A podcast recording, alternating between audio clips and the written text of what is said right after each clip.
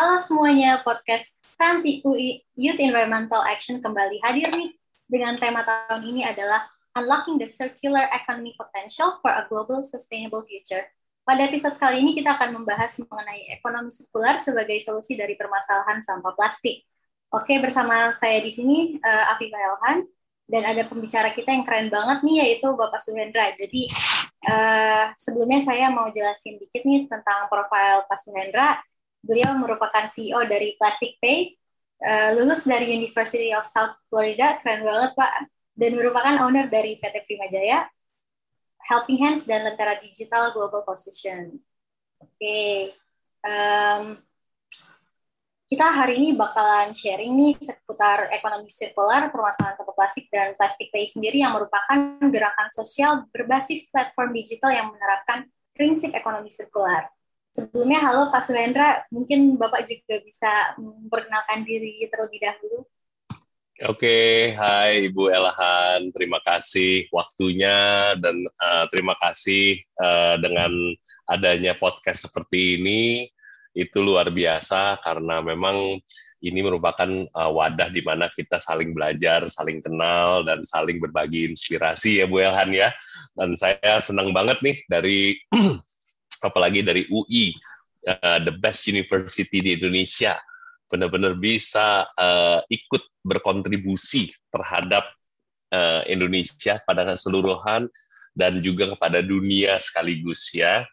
Diperkenalkan nama saya Suhendra Setiadi.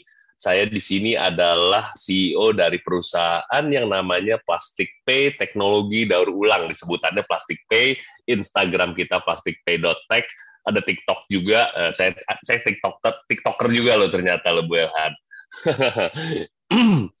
Dan jadi saya juga sebetulnya uh, bukan ahli-ahli banget, tapi saya akan mencoba untuk sharing apa yang saya tahu. Saya bukan yang ngajarin atau apa, tapi saya uh, attitude-nya adalah kita berbagi aja di podcast ini, ya.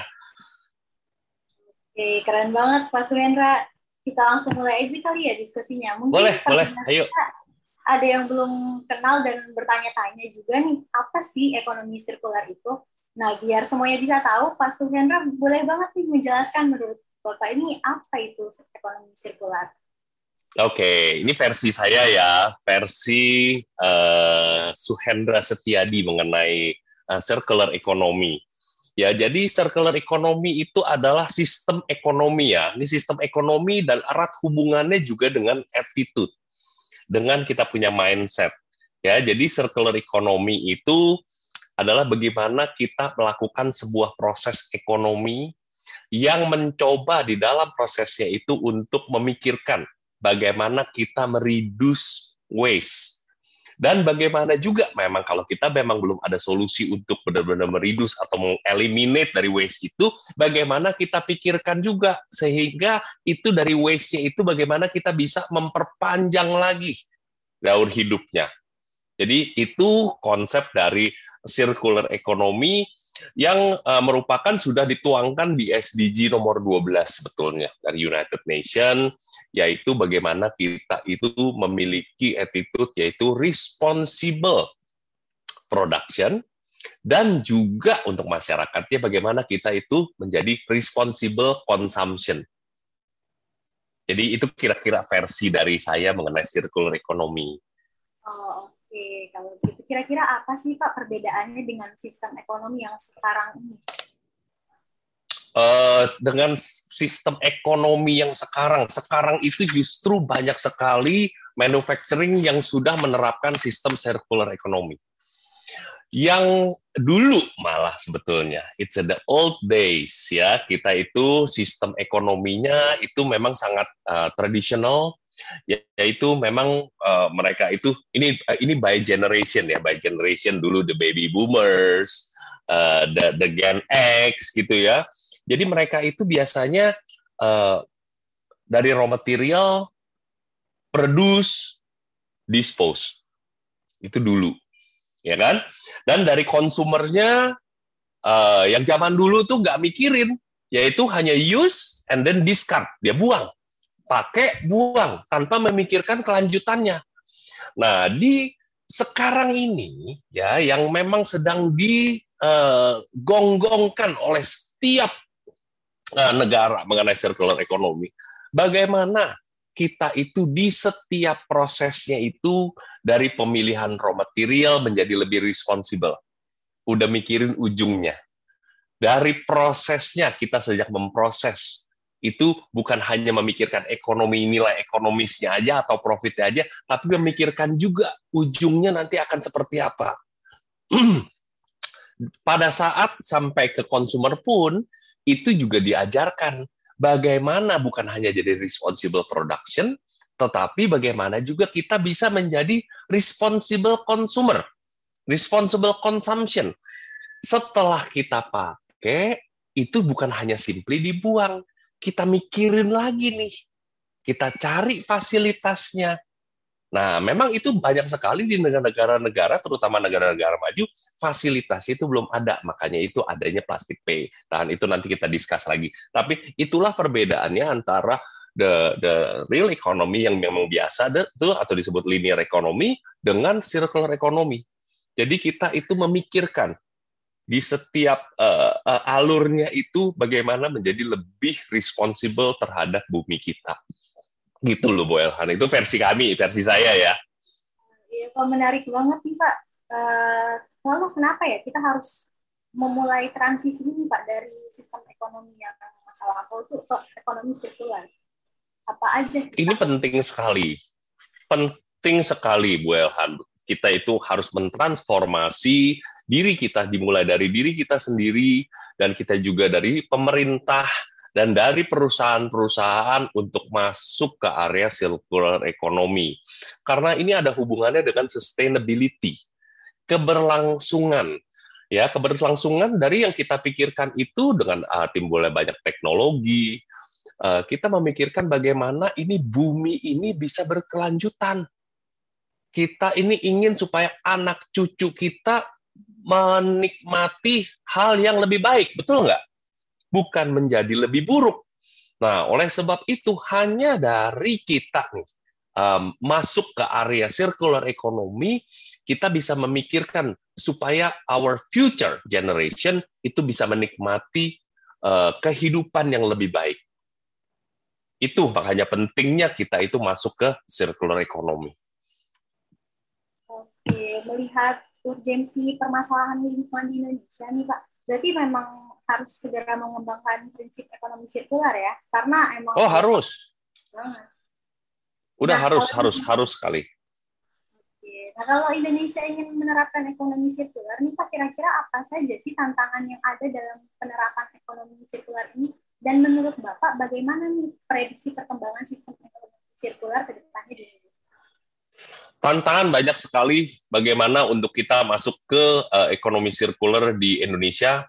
Yang pertama adalah memang banyak sekali mata rantai-mata rantai di area produksi yang sekarang aja di linear ekonomi di linear ekonomi ini aja di Indonesia belum komplit.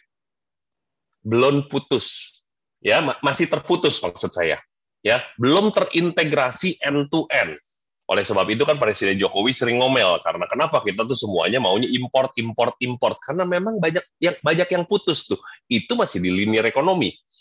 Apalagi kita harus masuk ke area yang namanya circular economy. Eh, di area circular economy itu harus ada further thinking ya untuk lebih in depth lagi dari pemilihan dari raw materialnya, dari produksinya itu harus terjadi perubahan. Nah, itu challenge-challenge itu memang ada dan it's real. Tetapi itu tidak menyetop menyetop dari uh, pergerakan ini karena di end consumer sekarang ya the, the largest market di Indonesia itu adalah millennials. Millennials adalah masyarakat yang sangat sadar sangat sadar bahwa pentingnya eh, kita atau masyarakat atau perusahaan itu untuk melindungi bumi. Karena di attitude dari previous generation itu kan memang kurang baik. Mereka adalah producer, irresponsible producer. Ya, sehingga millennials millennial tuh sekarang kan banyak yang ngomel Bu ya. Kenapa kok saya berenang kok di pantai kok banyak sampahnya? Kenapa kok di kalinya kok nggak enak? Kok lihat banyak sampahnya? Generasi-generasi ini nih yang sebetulnya sebagai konsumer yang yang akan uh, lebih kritikal dan dia mereka-mereka ini yang akan melihat, memilih konsumer-konsumer produk mana yang mereka mau gunakan Nah, bila mana ada produsen atau apa pun yang tidak care terhadap circular economy, automatically it will not be the chosen product by the market, by the millennial. Apalagi sekarang kita akan masuk lagi mungkin dalam era 10 tahun ke Gen Z yang lebih kritikal lagi mengenai masalah-masalah ini. Jadi challenge-challenge itu sangat ada ya, tapi dengan perkembangan teknologi uh, saya rasa itu uh, challenge-challenge itu akan bisa diatasi. Terutama juga dengan uh, adanya saintis-saintis mungkin dari UI yang akan menciptakan produk-produk atau uh, sesuatu yang terobosan sehingga malah itu akan mendukung industri untuk uh, bisa menerapkan ekonomi sirkular secara lebih smooth Nah, itu itu itu ada ada ada ada goal lagi nih dari dari uh, student-student sekarang bagaimana kita bisa bersama-sama coba melindungi our mother earth. Oke, Pak, kira-kira dalam kehidupan sehari-hari nih Pak, apa sih yang bisa kita lakuin nih khususnya yang millennials dan juga para pendengar yang kebanyakan memang masih mahasiswa. Sehari-harinya tuh kita harus kayak gimana sih Pak? Oke, okay, ini uh, dari masalah yaitu di bagian konsumer. Ya, kita ngomongin masalah um, um, mungkin mahasiswa itu masih ada di dalam area konsumer ya. Nah, kita itu every little thing that we can do itu akan mengkontribusi. Satu hal yaitu apa? Dari bagaimana kita membiasakan diri merubah kita punya mindset untuk mencoba me misahkan produk-produk sampah even yang ada di sekeliling kita atau ada di rumah kita sendiri untuk kita mulai pisahkan. Itu aja sudah luar biasa. Ya, karena bila sampah itu sudah tercampur ya dan akan uh, masuk ke ujung itu atau atau di hilir itu udah sudah merupakan problem besar itu akan menjadi sangat mahal kosnya untuk uh, untuk pemerintah. Dan kualitas bila produk-produk plastik itu kan memang sebetulnya kebanyakan bisa di recycle tetapi bila sudah tercampur di ujung itu kualitas dari produk itu untuk di recycle sudah jauh drop. Itu harganya pun value-nya sudah jauh drop. Nah jadi banyak sekali sebetulnya hal-hal kecil yang kita bisa mulai mikirin yaitu coba mencoba uh, menggunakan produk-produk recycler produk-produk upcycle. Mengajak teman-teman bahwa menggunakan produk-produk upcycle itu keren bukan sesuatu yang malah untuk diejek atau di, di, di, dibully. Malah itu sebetulnya adalah sesuatu yang keren. Ya menciptakan tren menggunakan kreativitas bagaimana itu sebuah produk ini bisa menjadi yang tadinya sampah itu bisa menjadi value lagi. Mendorong ekonomi sirkular, mendorong green economy sehingga masyarakat Indonesia itu uh, bisa menjadi produser loh. UM menjadi bisa menciptakan UMKM UMKM Ya, jadi nanti mereka pun akan mengurangi impor produk-produk dari luar negeri. Nah, itu itu salah satu e, beberapa contoh aja ya uh, yang yang teman-teman semua ini bisa lakukan. First step, pisahin aja dulu sampah. Bisa nggak mulai dari habit itu? Ya, nanti dengan adanya plastik pay, dengan adanya pemisahan sampah itu, kita akan menjadi missing link bagaimana kita bisa membawa sampah plastik itu untuk menjadi produk-produk yang uh, mendukung circular economy, green economy, dan menjadi produk-produk yang cool, keren, dan uh, bisa melakukan pengajakan kepada masyarakat gitu loh, Ibu Eldian. Oke, betul banget nih Pak. Seperti yang kita tahu, memang ya sampah plastik di Indonesia merupakan salah satu permasalahan yang serius dan ramai banget diperbincangkan. Apalagi menurut data, Indonesia itu sekarang menjadi negara penghasil sampah plastik terbanyak kedua di dunia. Nah, plastik Betul. sendiri kan bisa menjadi contoh nyata ya, Pak, sebagai penerapan prinsip ekonomi sirkular dalam menang menangani masalah sampah plastik. Mungkin bisa diceritakan nih, Pak, dengan singkat, apa sih plastik pay itu? Iya, tadi ya, uh, tadi di awal juga sudah disebutkan bahwa plastik pay itu adalah sebuah gerakan sosial. Gerakan sosial yang mengajak mengedukasi masyarakat dari berbagai lapisan. Dan bukan hanya masyarakat tetapi juga semua pemerintah uh, juga mengajak pemerintah mengajak perusahaan untuk bagaimana kita mentransformasi sampah-sampah botol plastik yang biasanya merusak lingkungan, tetapi kita bisa transformasi menjadi berbagai bentuk kebaikan multidimensi. Jadi itu adalah plastik pay. Jadi plastik pay itu kita itu melakukan program pengumpulan sampah botol plastik. Kita mengajak fokusnya kita itu adalah ada di masyarakat, ada di pemulung, ada di individu, di mana kita mengedukasi dan kita mengajak untuk memasukkan sampah-sampah botol itu ke collection-collection bin kita yang akan kita mulai sebar di seluruh uh, Jabodetabek dan juga untuk di uh, seluruh Indonesia pada akhirnya. Dan kami juga berharap nanti di UI juga. Saya pengen sekali nanti bekerja sama dengan UI ini. Bagaimana kita bisa menempatkan collection collection box itu. Nah lalu kami akan melakukan semua uh, apa namanya logistiknya supply chain-nya kita tidak akan missing 100% produk-produk itu akan kami serahkan jadi nanti di, di UI itu nggak usah bingung-bingung. Sampah botol plastik itu serahkan ke plastik P yang kita sudah ada collection point-nya. Kami sebagai missing link-nya antara masyarakat dan recycler. Dan dari recycler itu di situ akan diproduksi produk-produk recycling ya yang sudah ready diekspor. Nah, dari situ pun kami Plastik Pay juga menciptakan produk-produk upcycle yang keren-keren. Bisa dilihat di aplikasi kita uh, download di apa di di, di Google uh, apa Play Store atau di iOS itu ya. Silakan download bisa dilihat kita ciptakan produk-produk seperti contohnya sajadah 100% dari botol plastik.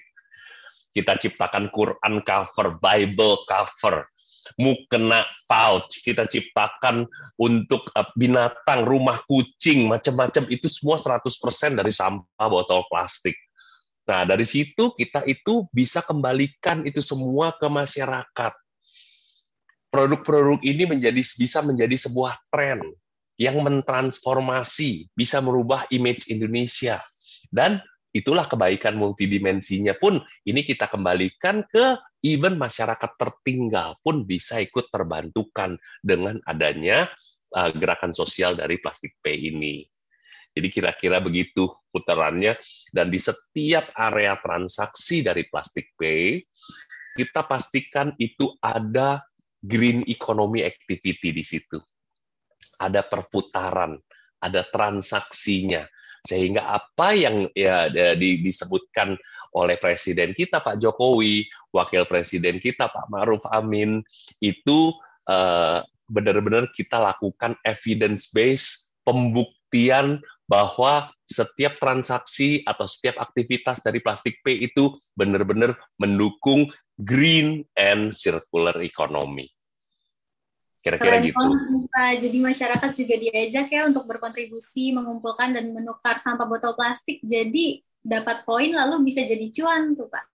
Nah, yes, kira-kira... jadi ini kita bisa berikan meaningful reward. Kalau umpamanya merasa nilainya kecil-kecil, bisa ditransformasikan jadi donasi, bisa sedekah, bisa membantu masyarakat tertinggal. Nah, kalau memang mau cuan ya sudah, tukarkan jadi diskon, masukkan ke OVO, GoPay, atau apa pun itu, atau masukin transfer ke ke, ke, ke rekening bank. Okay. Jadi itu semua uh, ya green and circular ekonominya benar-benar terus berputar di situ. Siapa tahu nih Pak, para pendengar juga mau ngumpulin sampah plastik biar jadi cuan nih Pak. Untuk titik pengumpulannya yang lebih spesifik lagi udah ada di mana aja nih Pak? Sudah kita tinggal cek nih, cek makanya teman-teman follow dong Instagram kita plastikpay.tech. Juga uh, kita punya TikTok, di situ juga tertera ada dan juga silahkan download aplikasi kita. Di sini sudah terkonek dengan Google Map ya di mana kita itu semua bisa uh, melihat di mana collection point kita. Dan bagi bagi yang belum uh, di daerahnya belum ada collection point-nya di aplikasi ITA itu di situ ada disediakan. Untuk teman-teman semua tinggal klik dan bisa minta atau apply. Plastik P taruh dong collection point di di rumah dekat rumah saya plastik P taruh dong di dekat pasar dekat rumah saya di situ di aplikasinya itu ada jadi silahkan kita mengajak, uh, tidak memaksa, tapi kita mengajak siapa pun yang ingin berpartisipasi untuk mendapatkan convenience untuk uh, menjalankan circular economy ini di Indonesia. Oke, gitu, Ibu ya. Teman-teman bisa banget nih yang mau ngumpulin sampah plastik biar lebih bermanfaat juga ya, bisa jadi donasi, juga bisa dijadiin diskon. Nah, ini menarik banget nih Pak jadi setelah sampah botol plastik atau ini semuanya dikumpulin nih, bagaimana sih cara Plastik Pay ini mengelola sampah plastiknya? Proses apa itu Pak? Mungkin bisa dijelasin lebih lanjut. Oke, okay. Plastic Pay itu bekerja sama dengan sebuah perusahaan yang bernama InnoCycle. InnoCycle ini adalah perusahaan recycling berskala besar perusahaan ini adalah perusahaan recycling pertama yang sudah masuk ke Bursa Efek Indonesia. Jadi teman-teman yang ingin invest juga di area green itu juga silahkan invest itu kodenya adalah INOV Inov ya. Nah, Inov ini adalah perusahaan berskala besar yang merubah dari sampah botol plastik melalui proses teknologinya itu nanti bisa silakan dicek juga di Plastik P punya uh, Instagram bagaimana proses-prosesnya di IGTV-nya. Nah, di situ dari sampah botol plastik ditransformasikan secara teknologi menjadi yang namanya recycled staple fiber. Recycled staple fiber ini sudah ready diekspor dan recycled staple fiber ini adalah uh, produk bahan dasar lagi yang bisa diproduksi lagi menjadi produk-produk upcycle berikutnya. Ya, recycled staple fiber bisa dirubah menjadi yang namanya felt. Felt itu bisa berubah, uh, berubah peredam mobil, peredam uh, menjadi karpet, bisa juga untuk sebagai feeling dari uh, jaket, sebagai uh, pengisi bantal, uh, juga digunakan sebagai uh, namanya geotextile. Nah, dari situ pun makanya kita transformasikan lagi, perpanjang lagi hidupnya. Jadi produk-produk yang kita bisa pakai, contohnya nih saya kasih lihat. Ini tas kerja saya nih. Uh, Bu Elhan, ini tas ah, kerja saya. Itu ini dari 100% dari sampah botol plastik. Wow, keren banget Pak Dan ini bisa ada communication capitalnya ada di sebelah sini nih. Ini tas ini ini hanya dari 15 botol uh, 600 mili.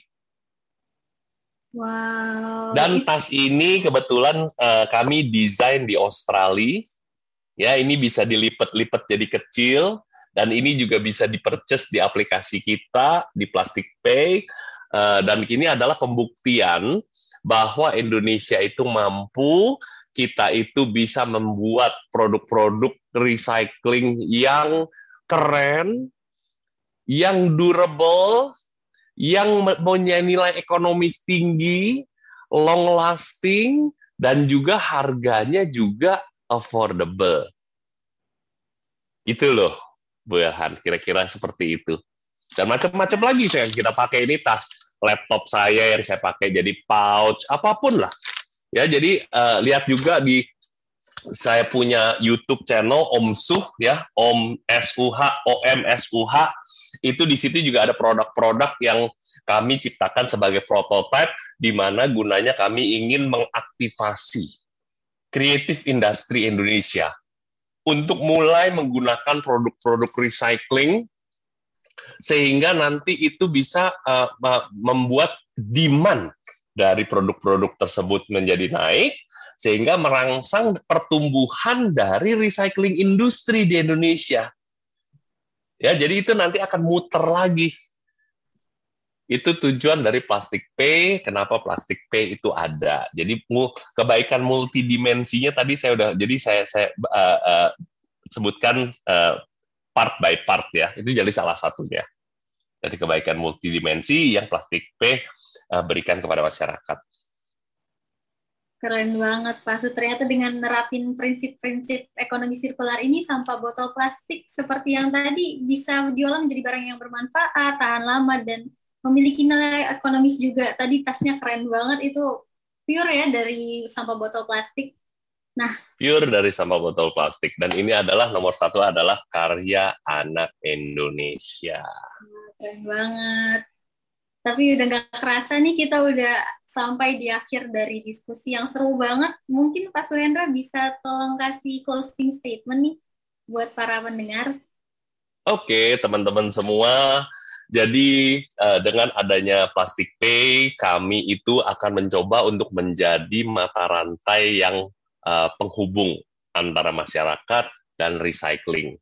Jadi coba cari kami di uh, aplikasi atau di Instagram atau di sosial media, cari kami, dukung kami sehingga kami bersama-sama ini bisa merubah image Indonesia yang tadi disebut-sebut sebagai penghasil sampah plastik ke dunia.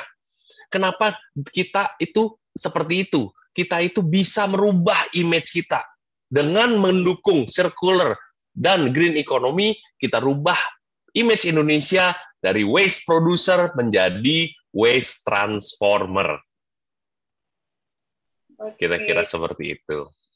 Keren banget. Terima kasih nih Pak Suhendra udah diskusi dan berbagi pengetahuannya tentang ekonomi sirkular dan plastik pay.